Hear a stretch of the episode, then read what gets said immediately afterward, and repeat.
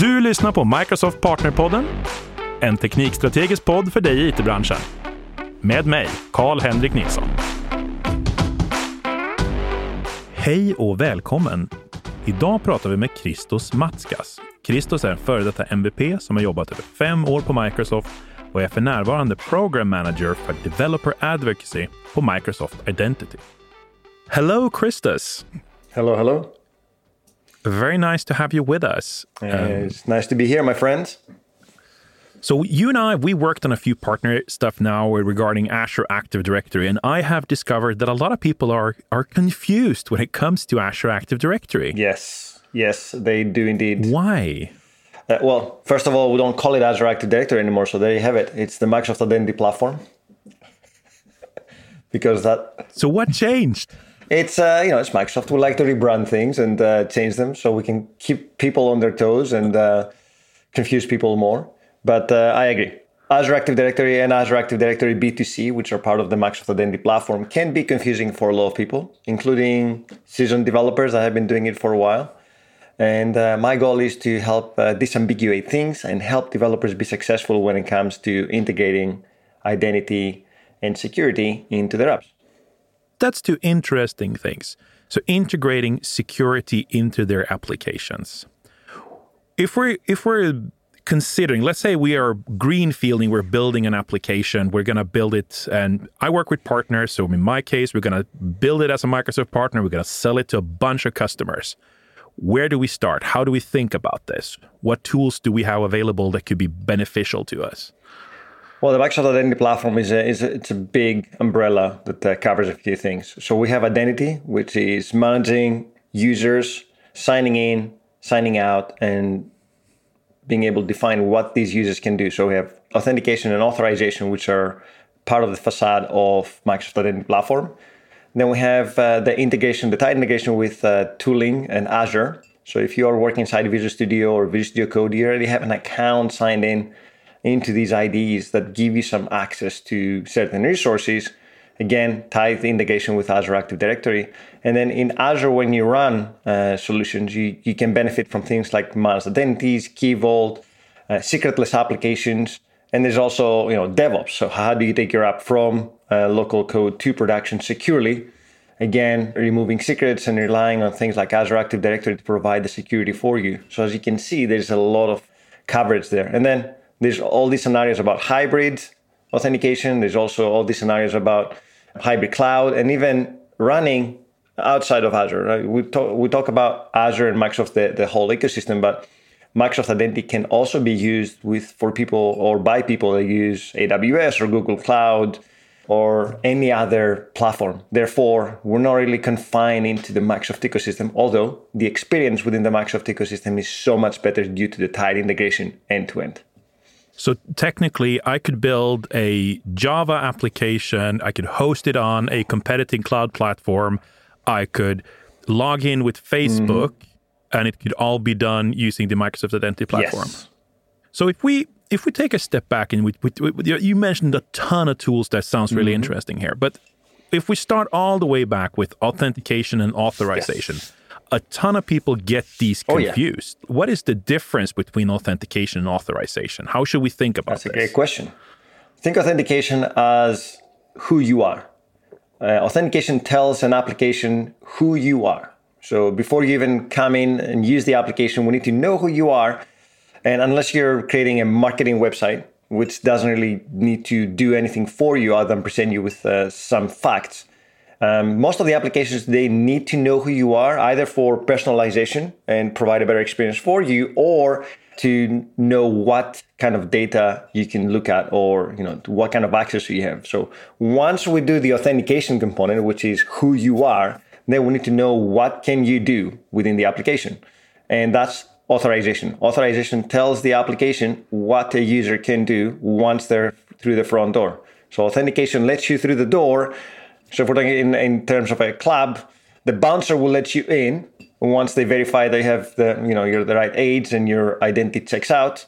But once you're in, what can you do? Which rooms can you go in? What can you do in, in the club? can you get a drink or whatever, right? So this is the authorization. It tells the application what a user can do once they're there. So you can have a user that is just a plain user, just a reader of the data. You can have an admin that manages the data in the application. You can have um, you know other different roles and permissions and groups. So all that is part of the authorization component. That's a, that's a very good explanation. I think the the first time you and I talked about this, we were speaking at a conference. Mm-hmm and I remember you you made the example of that the people at the door they just make sure you have a badge with the right color and the right name. But if you want to go to the speaker lounge, it better say speaker on your badge. Exactly. See, I remember. Okay, so so we got that for us. We started to we added a couple of users to whatever authorization mm-hmm. solution that we have, and and they've gotten some roles and so that they can access things. But I've I've watched your show, and there seems to be a ton of different ways which we can uh, access the Microsoft Identity mm-hmm. platform. That's right. If I'm a C sharp developer, like most of the people that I work with, most of the Microsoft partners that I work with are mostly running C sharp or okay. JavaScript. Where do I go? Like, what do I use? Well, first of all, before you even start the integration, you decide what kind of users your system is going to interact with. And there are two main, or so this, there are two options and one choice you have to make at the very beginning of this journey. Are you going to create an application for your business, as in internal users, part of your organization that need to sign in and access some internal data and apps?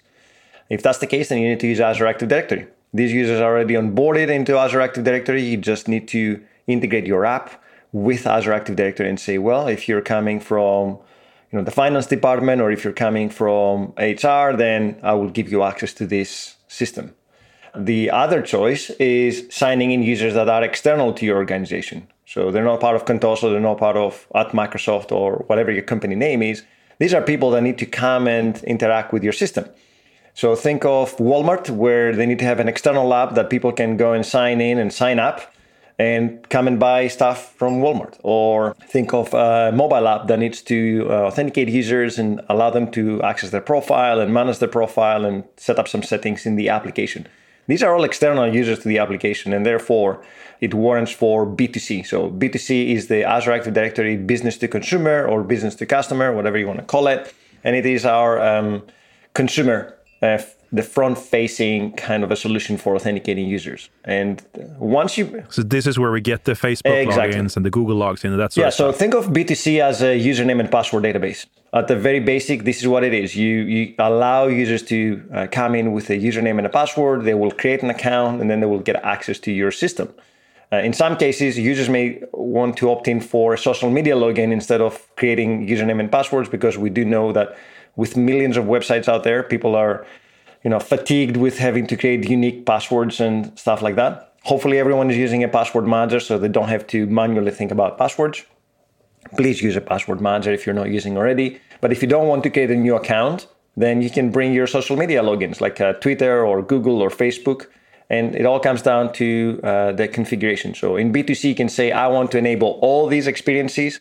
In fact, you can enable any OpenID Connect provider. So even if it's not part of the list that we give you, the 20 pre predefined ones, you can bring any OpenID Connect provider and make it part of your authentication experience.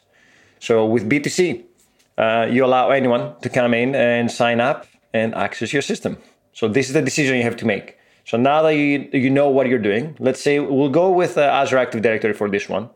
Uh, if you're a C Sharp or a Java or a Python or a, any developer, Node developer, for example, then we provide you with uh, default libraries. We have the MSAL library, the Microsoft Authentication Library, that it is available for most major frameworks out there and languages.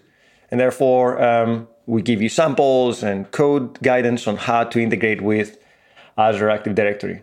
However, you're not confined in using MSAL. If you already have an OpenID Connect library, something you rolled out yourself, or you want to use an open source library, then that's also available to you to use because uh, Azure Active Directory and the Microsoft Identity Platform is built on top of open standards like OpenID Connect and OAuth 2. So there's nothing proprietary there. Like so, we we provide you with guidance.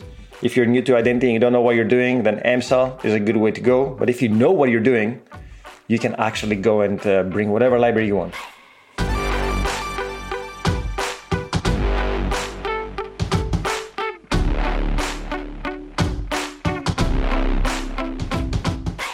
So if we're just taking a step back to Azure B2C, because I think a lot of people is, is really yep. interested. Can I also enforce things here? Like if I don't want to have just a simple login and password solution, can I enforce things like um, two-factor authentication and things like that? Well, the nice thing about the Microsoft Identity Platform is that you as a developer have very little work to do to integrate with the system. And then there is a, a ton of capabilities that, that light up for you once the, the Azure AD admin goes and configures that. For example, in B2C, you can enforce MFA for everyone, and therefore they have to have two factor authentication when they access the system. And we provide you by default an email, an email 2FA, right? So technically not 2FA FA, but it still provides a multi factor authentication component. We also have conditional access available to you, which means that you can define who and when they can access the system based on certain conditions like IP, IP address, geographic locations. We recently lit up things like um, GPS coordinates. So you can even say if your phone is in the proximity of a certain GPS coordinate, then we can let you sign in. But if you're outside the bounds, then we won't let you sign in. And uh, there are other things that are happening there that will allow you, uh, you know, to provide a better experience for developers. So yeah, it's not just a username and password database. Going back to your first question, it comes with a lot of advanced capabilities and that sounds really nice. I think a, a, lot of the a lot of companies could benefit from from a little bit better security sometimes. A little bit. this sounds pretty straightforward to be honest. Like where does all this confusion come from? Why are we being why is this always like the the biggest pain point for people? Why is people so confused? Well, we have to first we have to blame ourselves. We talked about the rebranding of Azure AD to Microsoft Identity Platform and things are always being in a perpetual movement we haven't really done a good job in advocating to developers either. So we didn't really have a good story to explain to developers what and how they need to do. And we're changing that as we go. I mean, we're really trying to simplify the story and um, make it a lot more straightforward for developers. The fact that it takes like a couple of lines of code and some configuration to do the whole integration inside your system is just mind blowing uh, we just don't have a good way to present that. So uh, bear with us while we're improving our narrative around Microsoft Identity. But identity in general, regardless of what provider you use, whatever system you use, it, it's a scary subject and it's, it's, a scary topic. And we know that companies make the news almost every week because they screw up their identity. Either they store things in clean, uh, clear text, or they roll out their own identity systems.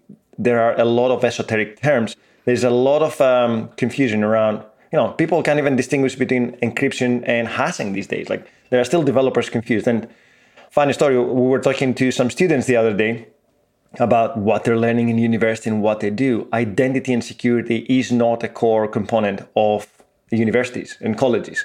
Therefore you know people spend three or four years in a college degree learning computer science or software engineering but they don't really touch upon some really fundamental things. Like how do you secure your applications? It doesn't have to be platform specific, it can be platform agnostic, but understanding things like encryption and hashing and how people can attack your system, like brute forcing and rainbow uh, attacks and dictionary scans and all these things are totally new to developers. So they come into the industry and they're, asked now to go and integrate with, uh, you know, go and add a, an identity system to our website or our mobile app, and they have to scratch their head and try to understand what's happening we've already thrown quite a few terms uh, in our discussion. We talked about protocols like OpenID Connect and OAuth 2. Like when do you use what and when when are these things are used? Uh, we haven't touched on tokens, but then again, you have ID tokens and access tokens and refresh tokens, and trying to get your head around all that can be quite mind blowing. Like I've, I've I've done the mistake of trying to roll out my own identity back in 2007 when I was building a CMS for a customer because I thought I can do it better.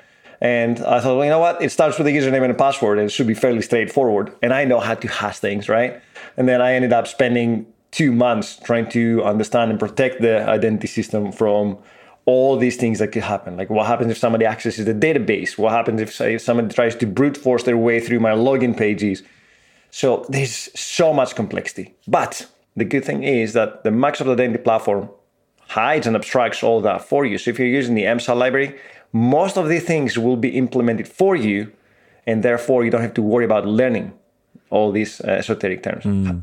But I think I think to be honest, I think that might be one of the reasons that people are scared of it. Like it becomes too magical. It becomes a little bit too simplistic. Like I don't understand why this works. There's nothing stopping you from actually going and looking into the, the behind the scenes stuff, right? You can you can pull the curtain and actually go and see what happens. All our libraries are open source. Therefore, if you want to look at msal.net or if you want to look at uh, say the Node.js library uh, libraries, or if you want to use an open source library, as long as you understand what the code is doing, then you know we're not we're not doing secret things. We're not doing proprietary things. We're just abstracting all the complexity for you, so you don't have to think about it, because identity is just one of the 35 things that you have in your list when you're developing a system, and you don't want to be spending two months learning about it. But you know, if you want to go and learn about OpenID Connect and OAuth 2, there are RFCs out there, and we build on top of those RFCs. So when we talk about authorization code with PKCE then you have a, a reference point to go and see what that means. And then you can also see how MSAL implements that, for example. That's pretty cool, actually. That's a good tip. And I think to go back to what you said before, that like Microsoft is now actually trying to make this better. We're trying to be more mm-hmm. clear and and I really actually I have to say I really like what you guys are doing with the 425 show and all this sort of stuff like really going in there building clear examples of what you can do with our identity platform and uh, you, you, can just go there and look for a bunch of technologies even competing platforms if mm-hmm. I remember correctly yeah. Yeah we've done I've done stuff with Firebase so I've, I've used Firebase to authenticate with B2C so you know if you want to see how you can integrate with other systems We've done AWS, we've done uh, Google Cloud. We want to uh, give people end to end scenarios because it's not just the identity component, right? I mean, if we were just talking about identity, then it would have been a very short show and would be done in three months because there's only so much you can talk about. But there are all these different scenarios, like having a web app that needs to authenticate to an API and needs to call into some other services, or using uh, say uh, an API that's behind some API management, and you want to you know make sure that any call that comes in is authenticated.